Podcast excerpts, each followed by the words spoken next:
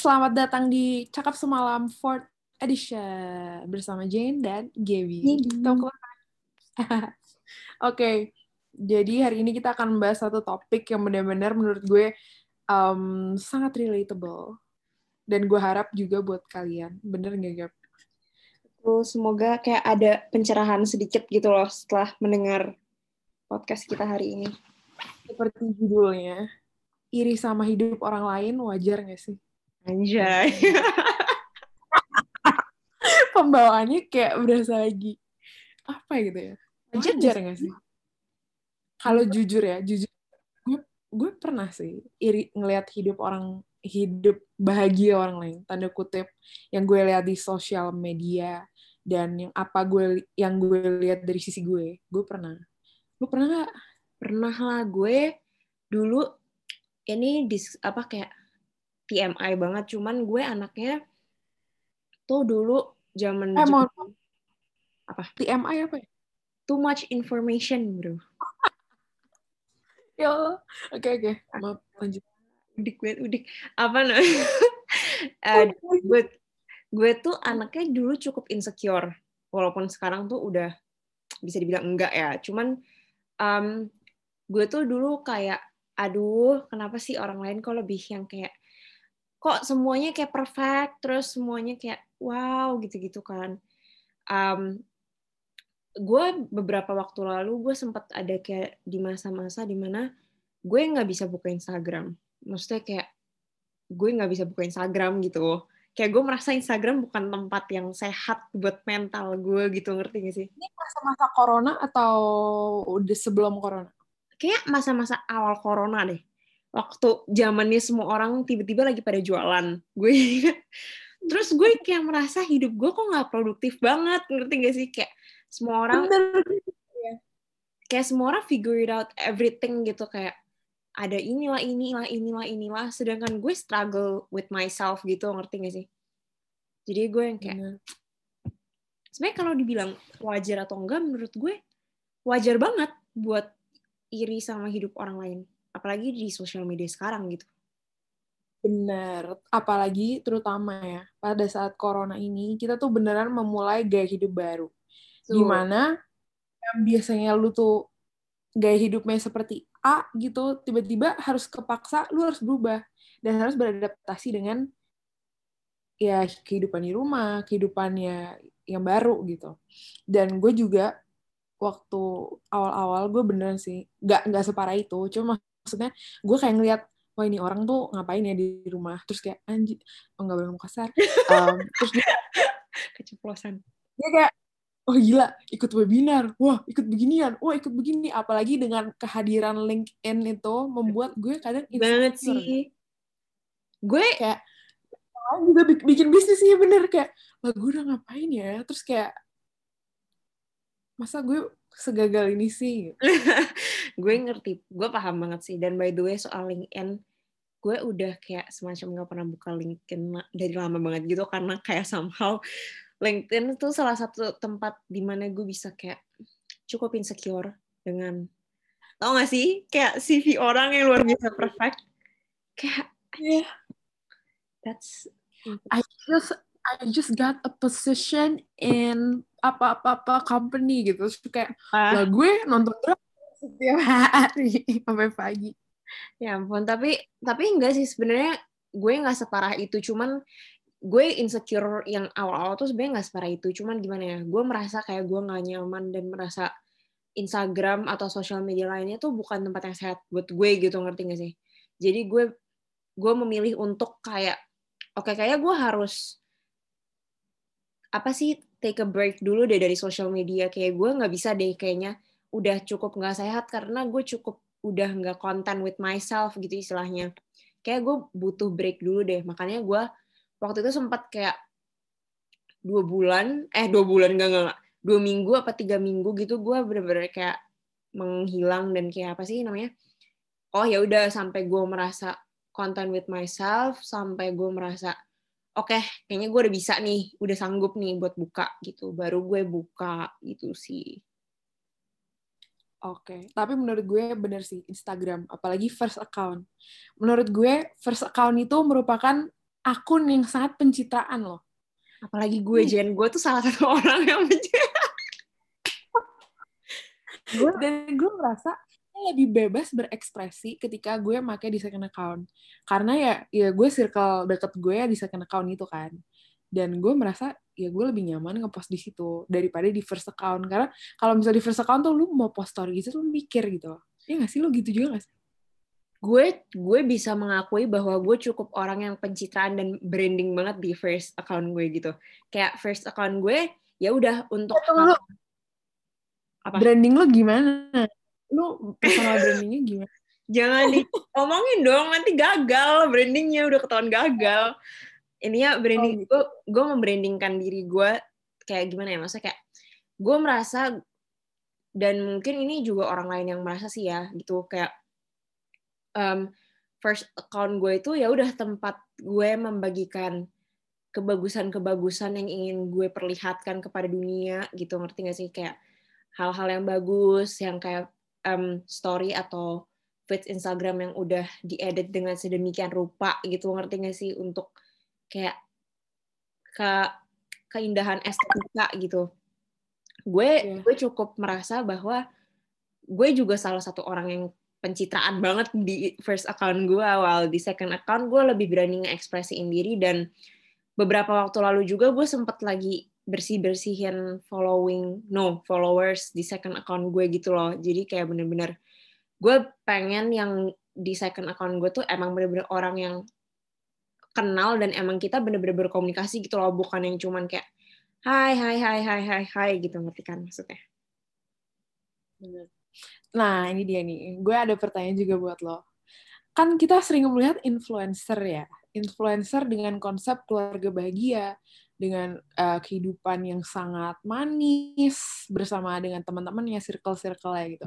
Menurut lo, menurut seorang Gaby, itu adalah hal yang baik atau enggak? Karena menurut gue, sebenarnya ini ada dua perspektif sih, dan gue nggak bisa menyalahkan kedua-duanya. Karena hmm. gini, ketika kita melihat kehidupan bahagia orang lain, itu secara nggak langsung itu meningkatkan ekspektasi kita terhadap hidup kita sendiri. I see. Ya kan? Dan kita ada kas ada kasus di mana saat kadang-kadang kita jadi comparing their life with our life, which is not good, ya kan? Menurut lo tuh gimana? Karena menurut gue bisa juga di satu sisi influencer itu kan harusnya dijadikan kayak wah ajang untuk memacu diri kita untuk menjadi lebih baik. Kalau buat gue sendiri sih, gue nggak bisa bilang itu adalah satu hal yang benar atau hal yang salah ya. Maksudnya yeah. setiap orang setiap orang punya hak masing-masing atau sosial medianya masing-masing gitu. Dan uh, mungkin influencer tuh juga sebenarnya gue nggak terlalu suka dengan terms influencer sih kayak apa yang lu influence ngerti gak sih kayak influencer gitu kayak apa yang lu influence gitu Kon gue makan influencer selalu makanan-makanan gue banget gue lebih suka dengan terms content creator daripada influencer Konten creator ya? berarti lu membuat konten gitu, ngerti gak sih? Oke. Okay. Berkonten. Aukarin?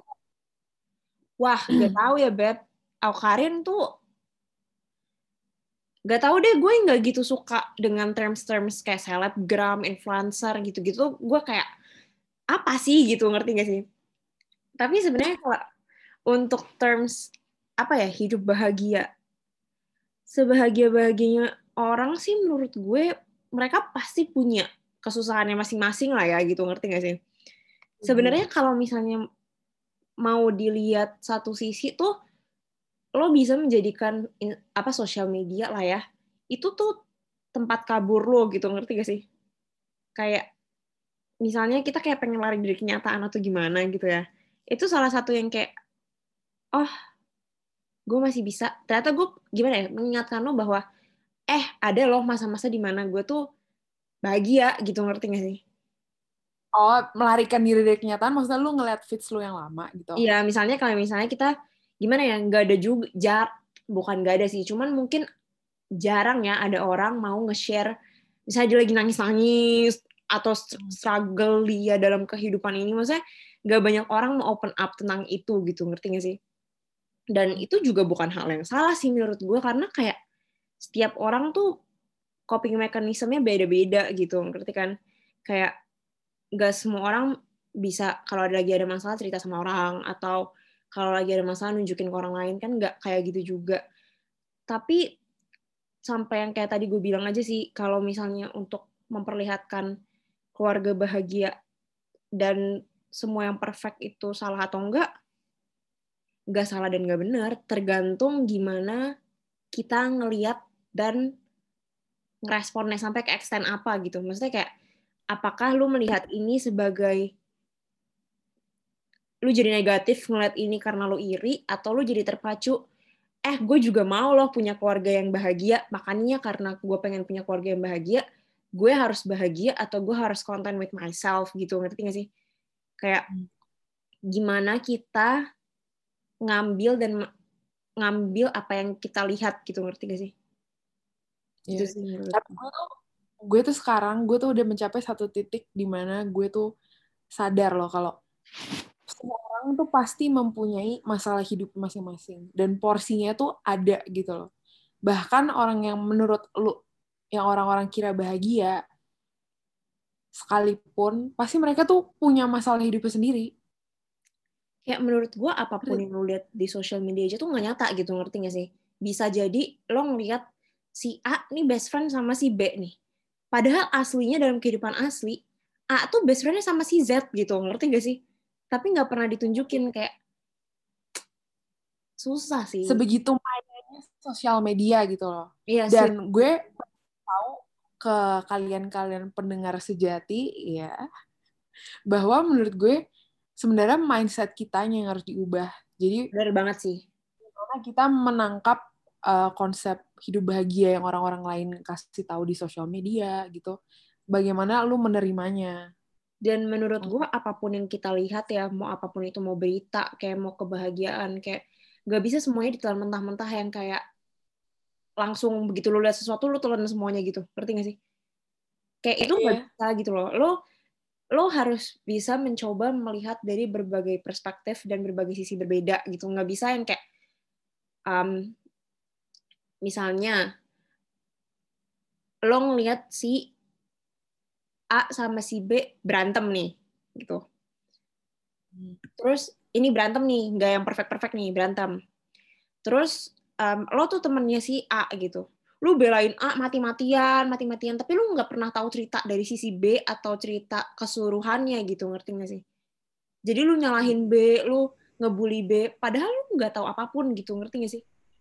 Lu nggak bisa terima mentah-mentah semua fakta yang lu lihat atau lu terima gitu. Lu harus oke, okay, lu take a step back bentar, lu lihat coba dari bigger picture-nya gimana gitu. Ya nggak sih? Iya, dan untuk balik lagi nih misalnya dengan topik iri kita sesuai dengan judul, menurut gue, kalau menurut gue ya, iri itu wajar. Tapi cara terbaiknya, cara cara terbaik untuk menangkali rasa iri tersebut adalah untuk menerima di hidup kita, menerima diri kita apa adanya ya gak sih? Bener banget sih menurut gue dasar apa pun lo tuh harus content with yourself gitu ngerti gak sih? Bahwa apa pun yang terjadi dalam hidup lo apa pun yang apa ya maksud gue walaupun mungkin hidup lo nggak seindah hidup si A nggak seindah hidup si B gitu ngerti gak sih? Kayak be content with what you have dan apa ya coba diubah perspektif dan sudut pandangnya. Misalnya janganlah ngeliat semua hal dari negatif negatifnya semua gitu. Ya tapi jangan sampai jatuh ke toxic positivity aja ya. Maksudnya ya kayak tadi gue hmm. bilang nggak bisa semuanya ditelan mentah-mentah gitu. Kayak mentang-mentang nggak boleh negatif tiba-tiba jadi harus positif harus kayak gimana gimana gimana. Ya coba ditelaah dan diukur gitu. Gimana sih um, baiknya gue harus ngambil misalnya gimana ya gimana sih baiknya gue menyikapi apa yang gue lihat gitu ngerti gak sih nggak bisa yang kayak tahu seperti kata pepatah rumput tetangga itu lebih hijau. Betul, the grass is always greener on the other side of the fence gitu kan. Tapi yeah. as cliche as it sound menurut gue daripada kita sibuk ngurusin rumput tetangga ya kan, kita tanemin aja tuh rumput-rumput kita sendiri dan kita urusin rumput-rumput kita sendiri supaya rumput kita juga jadi tumbuh dan jadi berbuah lebat gitu. Berbuah lebat anjir. Ya benar karena menurut gue ya kehidupan manusia tuh gak ada yang sempurna. Ya bagaimana lu menangkap bagaimana lu menerima apa yang lu punya aja dengan mensyukuri apa yang lu punya. Ya, ya asal bahagia dengan hidup lu sendiri menurut gue udah cukup Bener banget sih, kayak sebisa mungkin apa yang lo lihat, coba daripada dijadiin kayak, ini memang ngomong tuh jauh lebih gampang daripada melakukannya, cuman... Biasa lagi konseling konseling kehidupan ya Tapi jujur aja gue... Amatir ya Tapi nggak tau kenapa ya, karena maksudnya gue juga udah belajar banyak hal gitu ya. Gue sampai di titik di mana gue cukup content with myself dan hmm. apa yang gue punya gitu ngerti gak sih kayak gue berusaha memahami setiap orang tuh ya udah udah ada punya porsinya masing-masing gitu dan udah dikasih kelebihan dan kekurangannya masing-masing um, dan kayak apa ya semuanya tuh ada waktunya masing-masing juga gitu hmm. dan Bener. susah juga sih sebenarnya kayak ya proses dalam sampai menuju ke sini ya memang gak gampang ya. Maksudnya kayak uh banyak tantangan. Gue ada, gue ada resep untuk mengusir segala negativity segala uh, ke mental health mental health yang sangat menyebalkan itu gejolak emosi gue ada obatnya gitu apa? Lu mau tahu apa gue lagi hobi berjemur. Ancur. berjemur mati hancur gue denger nih. Udah tahu nih. Apa ya Gue tahu. Oh, iya, kalau jemur. Orang gue ya. Betul. Coba jelaskan. Nih, jadi gini. Lately, sebenarnya nggak lately juga sih, udah hampir mau sebulanan. Gue tuh beneran lagi rutin yang namanya sunbathing. Hancur. Sun, ya, bener-bener kayak berjemur. Jadi gue pagi-pagi nih bisa aja. Jadi tuh gue kangen matahari gitu, Gap. Gue udah seaneh okay. itu. Oke. Okay. okay. Bangun pagi-pagi, gue bawa matras matras buat olahraga sama kain terus gue naik ke atas gue pakai sunblock gue tiduran beneran tiduran. Bahkan gue pernah ketiduran pas lagi berjemur. Gosong lah tuh iya bener. Itu awalnya gosong. Gue perih. Bahkan pundak kayak pundak. Karena kan gue cuma fokus ke muka ke tangan ke kaki gitu kan. Gue tuh nggak naruh di pundak. Sementara gue tidurnya kan tengkurap ya. Nah itu hidung dong Oh, hidung. gue gue teman gue masih belum menemukan spot buat berjemur Jen masalahnya. Nah tunggu dulu tunggu dulu. Udah. Oke okay, oke. Okay. gue terus udah gue awalnya tuh gue cuma berjemur gara-gara gue tuh emang kurang vitamin D. Mm -hmm. ya ya emang nggak ngerti lah ya. Tapi ya udah gue berjemur eh lama-lama ketagihan. Tapi seiring berjalannya waktu gue jadi menyadari kalau wah ternyata ada perubahan nih di dalam hidup gue selama corona. Awalnya awal-awal corona seperti yang tadi udah gue bilang, gue tuh emosi gue tuh kadang tuh suka bergejolak gitu loh, Gap. Gak okay. ngerti kenapa. Tapi yang nggak nggak selebay itu, cuman ya gue tidak bisa memungkiri kalau ada hari di mana gue merasa hidup gue tuh bad, mau kayak bener bad day banget. Oke. Okay. Pernah gak gitu? Nah, pastinya. Nah, tapi semenjak gue berjemur ini, gue jadi kayak gue melihat ke masa lalu, loh kok gue udah nggak pernah lagi ya ngerasain kayak gini. Waktu dulu tuh gue beneran kayak suka moody banget, suka apa gitu. Nah, ternyata emang benar. Terus gue langsung searching.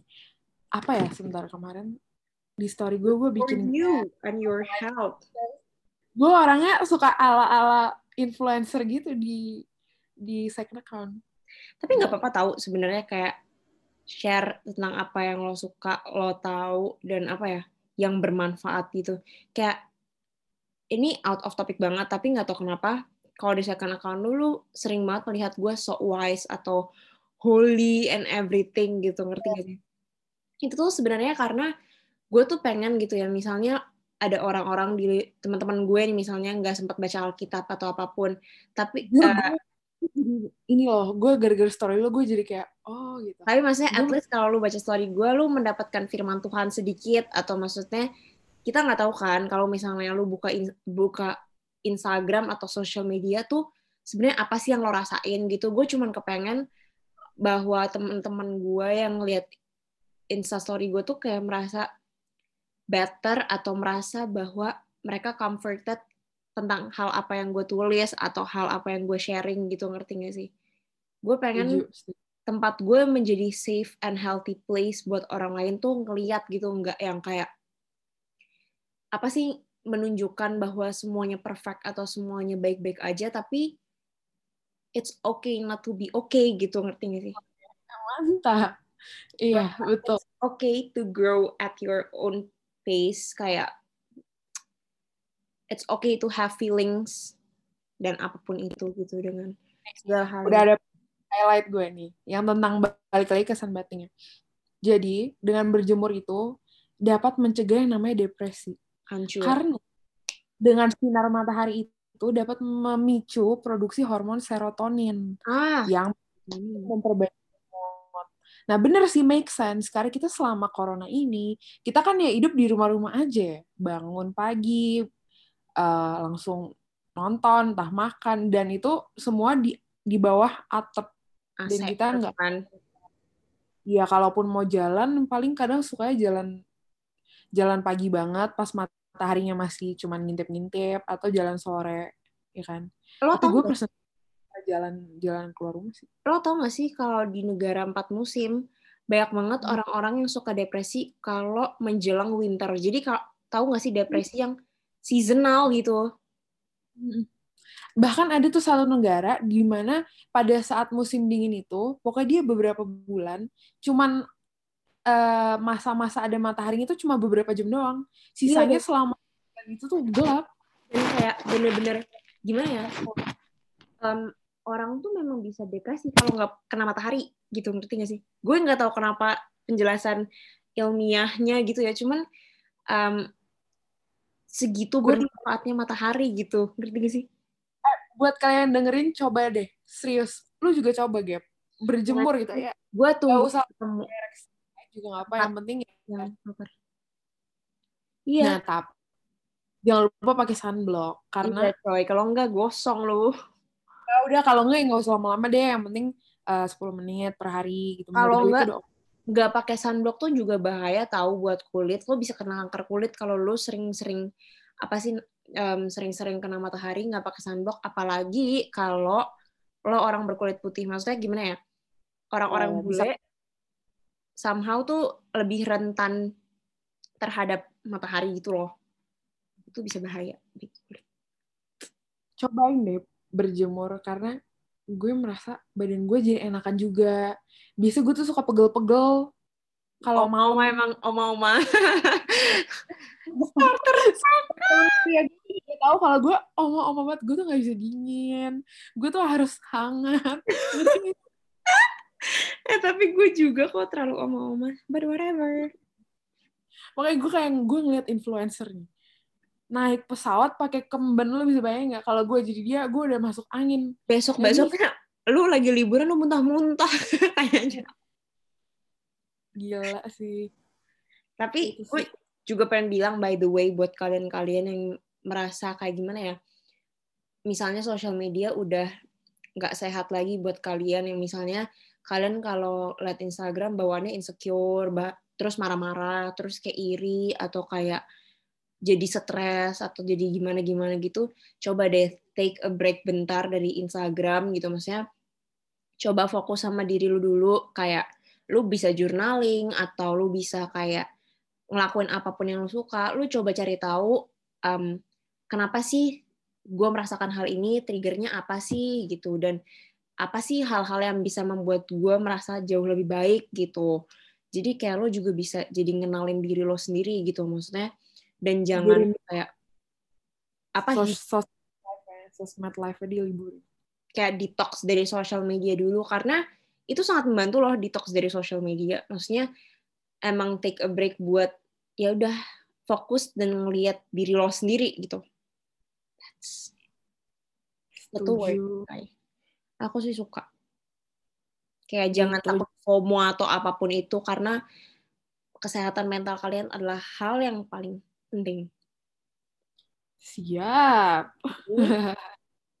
Berarti saran dari gue berjemur saran dari Gaby ya lu detox media seminggu dan fokus uh, terhadap diri lo sendiri. Kayak coba cari hal-hal uh, positif yang lu punya yang benar-benar yang harusnya lu syukuri. Yang mungkin selama ini lu nggak tahu kalau itu ada di dalam diri lo tapi ternyata itu ada gitu. Dan itu merupakan hal baik yang mungkin orang lain iri iriin dari diri lo gitu. Dan maksudnya gimana ya? Jangan sampai lo jatuh ke toxic positivity yang kayak ah gue nggak boleh nih ngerasa kayak gini. Ah gue tuh nggak boleh iri kayak gini. Kayak let yourself feel aja gitu. Kayak nggak apa-apa banget punya perasaan kayak gitu. Wajar. Tapi lo harus kasih diri lo waktu sampai kapan gue boleh kayak gini. Dan maksudnya jangan sampai hal ini it's you gitu. Maksudnya jangan sampai lo consumed by this kind of thought gitu. Lo hmm. harus tahu kapan waktu untuk mundurnya gitu. Nggak jangan yang kayak sampai gimana ya jangan kayak aduh gue tuh tahu gue tuh nggak boleh stres. Oke jadi gue nggak stres terus akhirnya kayak ibaratnya kabur dari masalah gitu. Ngerti gak sih? Biarin aja. Mesti kalau lo misalnya iri sama orang lain atau apa pun oh ya udah let yourself iri sama orang lain gitu. Tapi jangan sampai irinya itu bikin lo jadi dengki terus jadi benci orangnya. Gitu ngerti gak sih? Irinya itu malah menghancurkan diri lo sendiri. Ya betul banget. Jangan sampai hal-hal tersebut tuh menghancurkan diri lo sendiri gitu. Kayak kalau misalnya lo lagi iri sama orang lain wajar banget let yourself feel tapi jangan kelamaan irinya gitu. Kayak lo harus berusaha kayak oke okay, kenapa ya gue merasakan hal ini? Apa ya triggernya? Apa ya hal yang bisa membuat gue be the best version of your yourself. Betul. kayak ya Jadi, gue kalau apa? Apa? Enggak gue cuman kayak ya gue tahu sih emang kita ngomong jauh lebih gampang daripada melakukan dan kayak gimana ya. Gue juga bukan mental health coach atau gimana cuman ini based on my own personal experience kayak gimana ya gue gue bisa kok melalui masa-masa kelam atau kayak gimana ya um, semacam mental breakdown mental breakdownan itu bisa kok bisa bisa gitu. Kalau gue bisa kalian juga pasti bisa dan maksudnya sama belajar untuk menjadi diri yang lebih baik. Dan itu sekedar tips dari gue yang beneran tips nyata gitu karena gue pernah mengalami dan gue melalui hal itu tuh ya kayak gitu gitu mungkin yang berguna bagi gue bisa berguna buat lo juga atau mungkin lo apa ya bisa mencari hal lain yang mungkin lebih cocok dengan lo gitu. Dan jangan pernah takut dan malu untuk minta pertolongan ya kalau misalnya lo udah kayak terlalu overwhelm atau udah kayak di state yang lo udah nggak bisa nih kayaknya untuk take care of this problem alone gitu. Coba minta bantuan ke orang-orang terdekat tuh atau bahkan ke psikolog terdekat terdekat coy. Ya benar-benar gue tuh kemarin baca artikel pokoknya tentang mental breakdown. Dan di situ gue tahu kalau ternyata mental breakdown itu emang dibutuhin manusia. Betul aku in all, the new version of you gitu loh. Karena ketika apa ya dengan mental breakdown itu kita belajar hal baru. Ini menurut ilmiah loh. Kemarin baca gue lupa dari mana. Dan tapi itu, intinya apa kan mental breakdown itu Nah, dari itu tuh yang ngebantuin kita buat bertumbuh gitu loh, ngerti gak sih? Untuk menjadi pribadi yang dewasa gitu. Kayak lu bertumbuh tuh caranya gimana ca cara lu menyikapi mental breakdown lu tersebut gitu. Gimana survival instinct lu bekerja di saat mental breakdown lu terjadi gitu. Bukan tentang bukan tentang lu nggak jadi punya mental breakdown atau apa pun, tapi bertumbuhnya adalah um, gimana cara lu menyikapi mental breakdown tersebut gitu. Karena banyak hmm. banget orang yang orang yang salah sangka bahwa oh kalau gue udah dewasa atau gue udah content with myself tuh gue nggak akan pernah punya mental breakdown atau gue nggak akan iri dengan orang lain gitu. Which salah itu. itu salah gitu. Kayak lo tahu lo konten dengan diri lo sendiri adalah waktu ada mental breakdown terjadi, lo nggak terlalu larut dalam hal itu, tapi lo tetap okay yeah. with yourself gitu, ngerti gak sih? Lo menerima diri lo bahwa it's okay buat terjadi mental breakdown gitu. Iya, Lebih ke kedewasaannya bisa dilihat dari cara kita ngerespon hal-hal terjadi dengan mental breakdown mental breakdown yang terjadi dalam hidup kita. Lagi dari gue yaitu untuk dekat dengan Tuhan lo. Itu klise sih, cuman I I truly agree with that statement. Karena ketika lo dekat dengan uh, Tuhan lo, ya gue merasa kalau personal experience gue ya gue merasa jadi lebih baik sih. Karena pada akhir pada akhirnya ya lu cuma bisa cerita orang yang benar-benar lu bisa uh, apa ya andalkan ya ya Tuhan. Percaya aku gue gue setuju banget karena gue dari dulu selalu percaya bahwa at the end of at the end of the day yang bisa nyelamatin diri kita dan selalu ada buat diri kita ya cuma diri kita dan Tuhan. Benar. bahkan teman terdekat lu pacar atau keluarga tuh gak akan bisa selalu menjadi orang yang lo apa ya expect gitu ngerti gak sih? Mm-mm. tapi ya mungkin aja jawaban Tuhan tuh bisa dari orang lain juga kan. Jadi gue kayak ya selain lu sambil bergumul ya lu berdoa juga. Semoga jalannya ya dapat ke arah yang lebih baik gitu kalau bisa larinya selalu pulangnya ke Tuhan gitu Betul. Betul. Jadi untuk menjawab judul kita hari ini, iri sama hidup orang lain, wajar nggak sih? Wah. Wajar. Yay. Itu sangat wajar dan itu tidak apa-apa. It's okay. Selama lu men menyikapinya dengan baik. Gitu. Gimana cara lu merespon aja sih menurut gue. Respon is important, you know.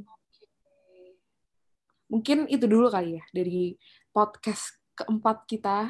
Hancur. Gue suka banget topik ini tadi by the way. Nah, gue pengen terima kasih juga buat puluhan uh, orang yang udah mendengar. Gue ngeliat dari analitik. Serius, gue tuh terharu banget, gila. Nah, Gaby juga ada pesan. Gimana, Gab, kalau misal ada request gitu? Oke, okay, guys. Feel free banget buat um, hit our Instagram di @jen.326 atau @gabrielaudrina buat apa ya request topik-topik atau kasih kritik dan masukan buat podcast cakap semalam kita. Welcome and feel free to DM us. Tujuh. Kemarin tuh udah ada sih yang request, Gap. Ya, ada Kayak, beberapa. Ya, And ada I'm berapa. very thankful for your support. Kayak tau gak sih gue tuh terharu banget sama kalian-kalian yang emang bener dengerin dan support walaupun kayak gue nggak nyuruh kalian dengerin gitu ngerti gak sih? Kayak berarti emang hidup lo dikepoin orang Gap. Jangan-jangan di but I'm very thankful and grateful for you guys. Gitu. Mungkin kita akan membahas apa ya tentang percintaan. Soalnya ada yang ada yang ada yang request gitu. Cuman gue di satu sisi gue deg-degan juga sih. Kayak apakah ini benar? Oke, itu kita spoiler buat next episode aja ya. Cuman kayak ah. Ya udah. Itu dulu aja guys buat episode kita kali ini. Thank you for listening and have a nice day. Bye. Bye.